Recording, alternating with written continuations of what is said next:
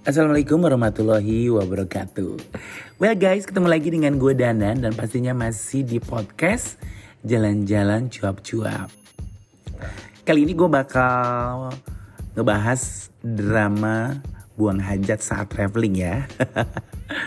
Oh iya, sekarang di tanggal 4 Februari 2023 Rencananya nih kalau gue gak males Setiap minggu gue bakal bikin podcast audio ini sebagai hiburan gue juga gitu. Karena memang kan seperti di podcast gue sebelumnya gue sekarang dalam kondisi yang tidak benar-benar sehat dan fit gitu. Jadi tidak bisa melakukan aktivitas traveling gitu. Ya udah kita balikan lagi ya. Dan sekarang cuacanya hujan gitu di Batam. Dari pagi kayaknya dari malam deh gitu. Sampai sekarang tuh hujan tuh nggak berhenti berhenti gitu. Dan ini emang PR banget ya buat kamu yang mau melakukan aktivitas di luar gitu dan kayaknya cuaca ekstrim seperti ini itu akan bertahan sampai Februari. Wah. oh ya guys, gimana dengan kamu? Dengan aktivitas kamu di tahun 2023? Gak kerasa udah masuk bulan Februari nih gitu. Dan kalau kamu dengerin suara aku mungkin agak sedikit berbeda karena memang uh, setelah sakit kemarin tuh memang agak sedikit dalam gitu. Tapi positifnya tuh aku jadi jadi lebih seksi. Walaupun sekarang kalau nyanyi nada-nada tinggi gue nggak bisa lagi. Tapi gue tetap berharap gue bisa balik suara gue kayak di awal gitu ya. Walaupun gue bukan penyanyi. Oke kita bakal ngomongin drama buang hajat saat traveling. Wah ini bakal seru banget Sebetulnya tulisannya gue udah pernah bikin di blog gue gitu. Tapi gue akan mencoba untuk bikin versi audionya gitu. Biar kalian lebih enjoy aja nikmatinnya gak usah baca-baca. Dan jujur ya gue tuh tipikal orang yang sebenarnya uh, konservatif untuk masalah buang hajat gitu. Karena dulu, dulu tuh gue anak rumahan. Jadi gue tuh harus buang hajat tuh di tempat yang proper gitu. Pokoknya yang bersih, di jamban, dan gue juga bukan tipikal cowok-cowok yang kencing sembarangan gitu, yang kencing di bawah pohon lah, atau dipepetin ke dinding lah gitu. Even di sekolah pun gue tuh jarang banget untuk buang air besar atau buang air kecil. Karena kalau nggak proper gitu gue nggak nggak bisa gitu, nggak nyaman gitu. Tapi hobi traveling merubah segalanya, terutama mindset gue nih tentang gue harus bisa memanajemen nih uh, apa namanya saluran pembuangan gua dan gue juga harus bisa buang air besar atau buang air kecil di mana aja gitu. Ini PR banget sih sebenarnya karena nggak semua orang bisa dan gue juga untuk uh, menyesuaikannya juga susah banget gitu. Apalagi gue tipikal orang yang gini, gue tuh bu, jadwalnya udah terjadwal untuk masalah buang air besar tuh bisa gue pagi gitu. Nah tapi gimana kejadiannya?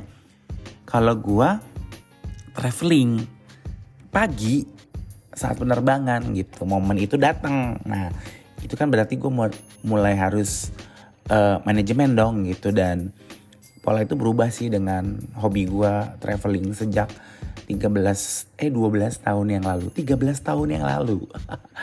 Dan karena gue backpacking juga gitu. Even kalau gue kecuali kalau gue travelingnya itu uh, nyaman di hotel dan sebagainya gitu ya mungkin akan bisa lah. Tapi tetap ya namanya traveling kemungkinan untuk buang air besar di atau buang air kecil di jalan itu ada gitu. Dan itu akhirnya gue juga uh, membiasakan diri gitu. Dan sebenarnya sih ada beberapa drama yang lucu-lucu sih sebenarnya. Kayak kejadian sebenarnya ini kejadian udah lama banget. Waktu itu gue di uh, jalan dengan bukan satu ya satu komunitas lah traveling itu ke Ujung Kulon dan kita memang meeting pointnya adalah di Jakarta gitu. Nah jadi pas balik mau dari Ujung Kulon ke Jakarta itu gua itu mulus dahsyat. Nggak tau gue selama masang makan apa gitu ya dan ternyata tuh kentut gue bau banget gitu dan mungkin juga tainya udah di ujung, ujung pelepasan ya nah jadi ternyata selama perjalanan di bis itu menebarkanlah aroma yang kurang sedap gitu ya. Dan uh, di letupan pertama gitu sudah menghebohkan seisi bus gitu yang langsung belakang tuh rame banget. Tapi karena ini community traveling dan gue juga nggak terlalu kenal anak-anaknya, gue sok cool aja gitu. Dan amsyongnya sepanjang perjalanan itu nggak berhenti berhenti gitu. Sampai akhirnya ada yang komen ini siapa sih yang kentut kok nggak ngaku? gitu. Karena tuh gue duduknya kan di tengah gitu yang sempet eh agak di belakang lah. Yang tersangka itu anak-anak depan karena anginnya tuh kayak ke belakang gitu. Dan itu kayak pokoknya baunya itu memang paling bau sih gitu sampai ada yang ancam gini. Pokoknya kita lihat nih katanya. Ini kalau dilihat dari aromanya orang nahan boker. Emang gue nahan boker beneran gue nahan boker itu. Kita lihat nih di perbentian pertama siapa yang langsung ke kamar mandi pasti itu yang kentut gitu kan. Anjrit gue bilang gitu ya. Bangke gitu. Akhirnya udah gue sok cool aja. Gue tahan lah itu ya di SPBU pertama. Karena kan memang antara Jungkulan dengan Jakarta itu nggak banyak banget SPBU atau tempat berhenti gitu. Lo baru bisa nemuin ketika lo nemuin tol gitu. Dan ternyata di tol daerah-daerah Banten tuh nggak banyak gitu. Gue tahan kan. Uh, penasaran dong orang. Tapi tetap lah ya namanya perut gue ngajak kompromi. Itu baunya tuh kayak bangke. Lo gue analogikan ya. Bangke terus baunya ada agak-agak amis gitu. Karena kalian mungkin gue makan ikan dan itu aduh gila ya. Uh udah dong. Nggak ketangkep dong. Aman gitu. Nah kayaknya gue uh, boker-boker itu ketika gue udah mau masuk Jakarta itu rasanya gue kayak beranak tiga bayi kembar gitu. Langsung keluar semua dan lo tahu itu kotoran itu warnanya hitam gitu ya dan itu udah bentuknya udah gak karu-karuan baunya. Gue nyampe memuntah baunya itu sih drama paling ya Allah. Gitu. Nah untuk masalah uh, ada aja gini cerita gitu. Jadi kalau lo ke Nepal uh, jadi kan gue ke Nepal tuh tahun berapa udah lama banget gitu. Dan gue pas sampai bandara pengen lah boker gitu ya. Gue pikir WC bandara itu bersih kan? Dan apa yang terjadi saudara-saudara ketika gua membuka itu semuanya penuh gitu ya. Bukan penuh air tapi penuh kotoran manusia. Ini bandara loh di Tribu Trip Trip Hufan Bandara Trip Hufan Nepal gitu. Dan ternyata rata-rata uh, eh, WC di tempat umum tuh di Nepal begitu gitu. Dan gue kan sempat juga melakukan perjalanan dari kotanya itu ke Pokhara. Dan selama perjalanan gue nyaris gak boker karena gue menemui fenomena-fenomena ini. Dan gue penasaran dong akhirnya gue tanya lah sama guide gue itu kenapa ya? Gue bilang gitu. Di tempat umum kalian itu kok selalu WC-nya selalu ada tai-tai gitu. Gue bilang gitu. Jadi mereka punya kepercayaan kalau uh, buang air besar terus di flashing itu akan menghilangkan rejeki gitu. Ya tapi kan konsepnya nggak gitu juga. Ini konsepnya kalau lo nggak flashing artinya orang yang berikutnya boker itu dapat rejeki buat flashing tokainya orang gitu. Dan gue sih jujur ya se ekstrim ekstrimnya tokai gue gitu akan lebih bisa menerima lah diri gue dibandingkan gue harus ngelihat bentuk kotoran orang dan gue harus flashing habis itu gue mesti boker di situ. Pokoknya itu deh pengalaman gue gitu. Gimana ya? Ini kalau kamu ini kayaknya bisa deh komentar deh kalau di anchornya langsung ya. Tapi kalau kamu dengerin Spotify-nya nggak bisa.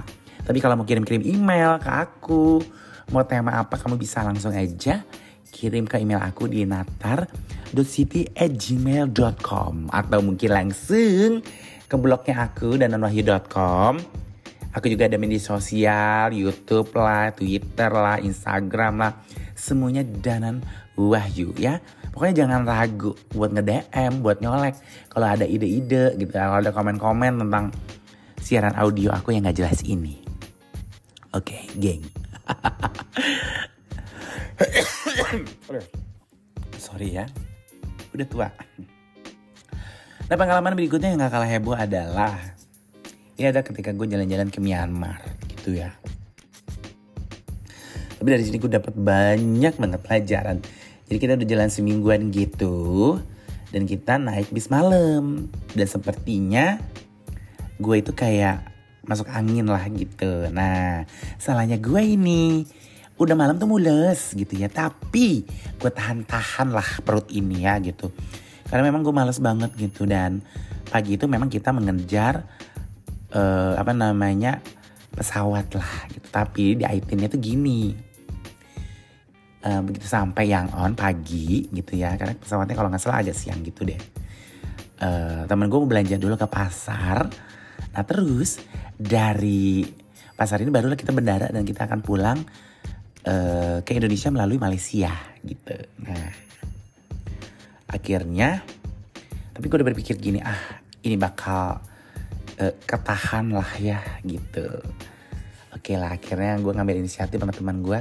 Oke geng, kalian belanja aja barang-barang kalian gue bawa deh pakai troli, gue bilang gitu. Nanti gue urusin deh gitu. Jadi mereka barang-barang yang dibutuhin tuh dibawa pakai troli. Nah gue ambil ini menjadi lah gue jamban gitu ya dengan batroli itu rasanya udah oh my god jreng jreng jreng jreng gitu ya dan ternyata uh, ini udah di ujung pelepasan gitu. Dan gue ternyata kamar mandinya penuh semua. Dan udahlah ya gue tanpa berpikir dan melihat kondisi airnya gak gue tes atau gue semprot-semprot gitu gue langsung lah boker cret gitu. Karena emang udah gak tahan banget gitu. Begitu gue pencet cret nggak ada airnya besti. Nggak ada tisu pula di situ kan. Ajrit panik lah gue kayak mana gue cebok gitu kan. Aduh mampus lah gue kan. Akhirnya untung gak gue bawa ransel. Jadi pertolongan pertama itu gue bersihkan lah. Karena gue dulu itu kalau traveling biasa pakai sempak yang dari kertas yang sekali buang disposal. Gue bersihin lah dulu pakai sempak gue yang gue pakai setelah bersih dengan segala keterbatasan ya tanpa air ya. Gue coba buka tas uh ternyata uh, masih ada sisa air minum dan masih aja tisu basah gitu. Nah akhirnya udahlah ya itu bisa lah gue tanggulangi gitu. Dan akhirnya gue kelihat tapi dasar orang Indonesia ini akhirnya gue keliling lagi dong cari jamban yang ada airnya ya gue bersihin lagi gue flush lagi gue bersihin lagi pakai tisu. Nah belajar dari kejadian ini gitu ya. Jadi ketika lo buang air di tempat umum tuh harus memastikan bahwa uh, apa namanya perlengkapan ceboknya itu proper gitu. Jangan sampai lo udah keluar pas mau cebok nggak ada air gitu. Dan gue juga harus berlatih biasa menggunakan tisu untuk membersihkan setelah buang air besar. Karena di beberapa negara kan memang uh, kita nggak nggak ada air kan gitu dan ini akhirnya juga jadi kebiasaan habit lah gitu. Karena kan gue di Batam gue sering traveling ke Singapura. Nah di Singapura ini kalau tempat-tempat yang agak-agak mewah gitu kan kayak di kalau di bandara masih kalau di pelabuhan ferinya masih itu namanya air. Tapi kalau lo ketemu kayak di hotel atau di apa gitu kadang-kadang cuma ada tisu. Makanya biasanya nih pertolongan pertama gua atau kitnya gua untuk boker atau traveling gua akan selalu menyediakan. Pertama adalah tisu basah kedua tisu kering ketiga adalah botol air yang sudah ujungnya dilubangin gitu. Nah jadi jadi nanti kalau diisi air tuh kita bisa pencet dan bisa nyemprot gitu. Nah itu kan bisa airnya lu isi dulu tuh di wastafel ya gitu untuk mempersiapkan lah gitu. Karena jujur aja gue belum bisa tuh keringan gitu kayak agak ada yang nyisa gitu. Tapi ini beneran gitu kejadian. Dan ini juga bisa jadi pelajaran buat kamu ya gitu. Jadi gue juga gue juga belajar dari temen sih nih. Jadi kan gue pernah jalan nih dengan Bu Herlina namanya. Jadi dia itu ya udah traveler lah udah senior lah. Waktu itu gue ketemu dia dia juga usianya sudah 50 dan dia tuh selalu kita itu waktu itu tripnya agak ekstrim yaitu overland uh, Flores gitu. Lo bayangin ya yang lu juga bisa di tengah jalan keberat boker atau apa. Nah dia akan membawa kit-kit boker ini adalah ya tadi selain tisu basah, tisu kering, terus penyemprot dan air, dia juga akan membawa kain pantai dan membawa sekop kecil. Jadi uh, kalau kita boker di alam lah itu etikanya ya nggak langsung aja berobot gitu, digali dulu tuh. Nah baru nanti kita boker lah di situ, biar orang nggak nemuin uh, bekasnya kita gitu. Jadi kayak Bu Herlina begitu, oke berhenti dulu gue kebelet boker. Udah cari tempat lah dia gali lah itu langsung lah dia boker gitu. Nah kalau kalian uh, punya peng, punya bukan pengalaman punya hobi untuk berwisata di alam ya harus memiliki kemampuan boker di mana saja. Jujur ya kemampuan gua untuk uh, memanajemen buang air itu terbangun ketika gue traveling itu juga ngebangun gue bisa uh, gua buang air di mana aja gitu. Jadi adaptif lah gitu. Jadi itu sesuatu yang penting banget gitu. Jadi umpamanya sebelum berangkat nih atau sebelum terbang ya walaupun nggak kerasa banget ya cok dibuang lah gitu. Dan gue juga biar biar nggak ngerepotin kita ke traveling kita juga harus manajemen makan makan nggak boleh pedes banget jangan sampai selama uh, traveling perut kita mules dan moncrot itu akan sangat merepotkan sekali gitu kan.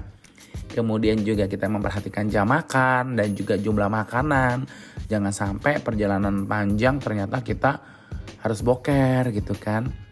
Ya kalau perjalanan panjang biasanya juga makannya yang nggak banyak lah gitu. Yang kira-kira nggak merepotkan gua, minumnya juga nggak banyak gitu. Jadi sebenarnya dari traveling itu banyak hal yang bisa kita pelajarin. Gitu loh besti. Terus apa lagi ya yang nggak ada sih?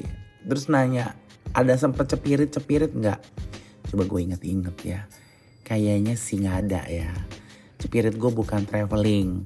Tapi waktu itu nongkrong itu emang emang itu emang bangke banget. Jadi ceritanya kan emang gue mules. Terus temen gue ngajak lah janjian gitu. Dia nggak tahu lah rumah gue akhirnya tunggu ya di depan. Kebetulan ada Indomaret telat buat tempat nongkrong kopi gitu.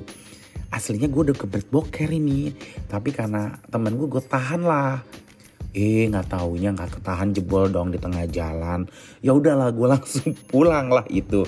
Itu paling paling najis sih sebenarnya gue gue kan tipikalnya sebenarnya juga bukan yang gampang jebol gitu lah gue bisa mampu menahan lah gue punya kemampuan lebih untuk menahan. Tapi nggak tahu belakangan ini gue gampang beser. Makanya itu biasanya gue akan memanajemen tuh pola makan gitu kan. Juga uh, apa namanya pola minum dan pola aktivitas gitu ya. Semoga ini bermanfaat buat kamu ya. Jangan sampai kayak kejadian kayak gue tuh yang di bis itu. Ih sumpah. Ini kalau yang denger temen gue pasti mereka akan mengutuk-ngutuk gue soalnya gue aja mau muntah sumpah itu denger apa nyium bau kentut gue yang udah kayak tai ujung di, di ujung pelepasan itu baunya itu campur bangke tapi agak agak agak agak amisnya gitu kan. Eh uh, pokoknya eh uh, sumpah lah itu. Itu ya ya wis. Yaudah besti. Ini uh, cerita aku. Jadi untuk kamu mungkin yang mau komen komentar atau mungkin memberikan ide dan saran tadi langsung aja ke natar.city at gmail.com ya. Dan podcast audio ini bisa didengerin di banyak platform podcast.